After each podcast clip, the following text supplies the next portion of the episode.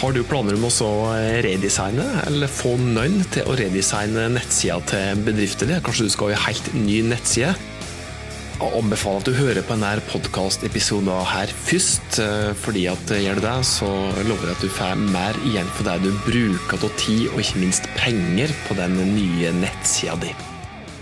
Hei, jeg heter Tormod Spørstad. Dette er podkasten der du får enkle, men gode tips til hvordan du kan bruke ulike markedsføringskanaler til å få bedrifter som du jobber i, til å få flere kunder og ikke minst større omsetning. Dette her er episode nummer skal vi se, så kommet episode nummer fire nå faktisk, og jeg er ordentlig glad for at du uh, hører på. Det skal nå handle om uh.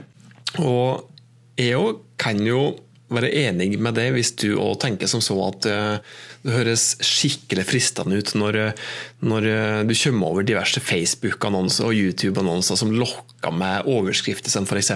gratis uh, hjemmeside og lag hjemmesiden din sjøl.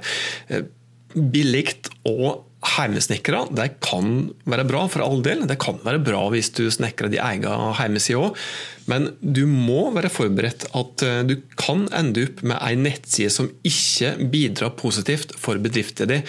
Tvert imot, hvis du da går på den første og tilsynelatende beste og billigste løsningen.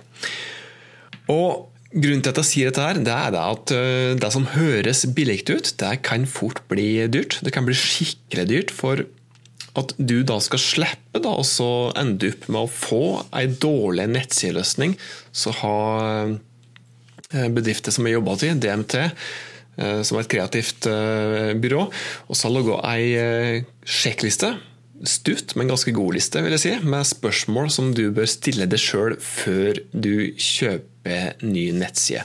Og de spørsmålene er som følger. Ønsker du at det skal være enkelt for potensielle kunder å finne nettsida til bedriften din? Ønsker du at hjemmesida skal komme høyt opp i Google og andre søkemotorer når potensielle kunder er på leit etter det som du har å tilby av vare og tjeneste?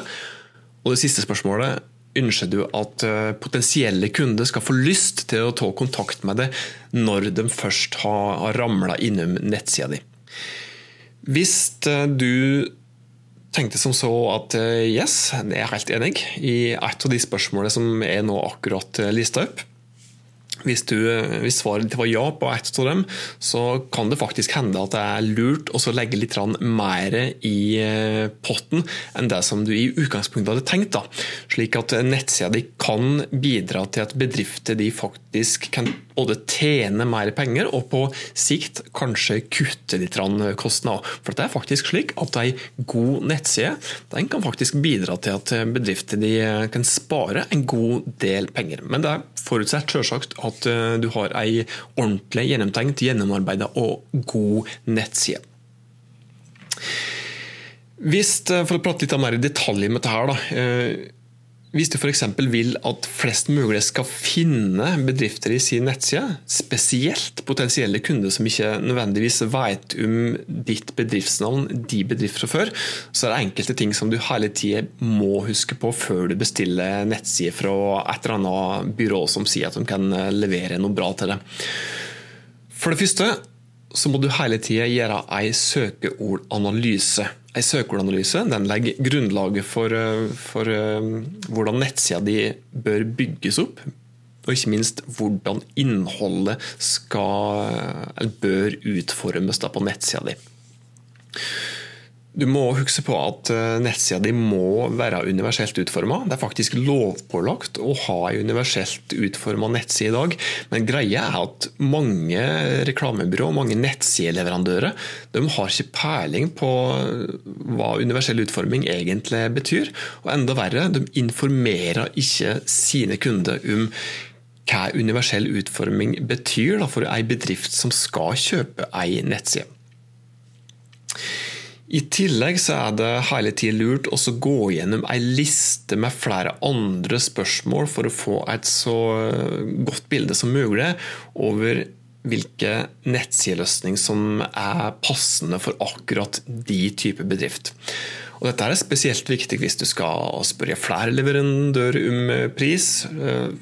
Og Grunnen til at du bør gå inn en slik liste, da, er at når du skal spørre flere leverandører, eller potensielle leverandører, det er at du da får et best mulig sammenligningsgrunnlag.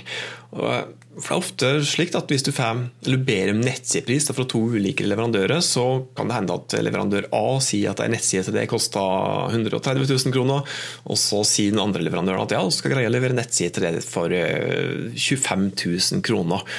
Og det høres jo vel og bra ut, men eh, hvis du da har lyst til å gå for den billigste nettsideleverandøren, så bør du i alle fall passe på at du har et riktig sammenligningsgrunnlag. Altså at du har laga en kravspesifikasjon der du har spurt om de samme tingene, slik at ikke eh, de ulike byråene bare har levert noen priser som strengt tatt ikke henger på greip. Seriøse Nettsidebyrå, reklamebyrå, markedsføringsbyrå eh, skal hele tida være i stand til å hjelpe deg med hele prosessen når du trenger en ny eh, nettside.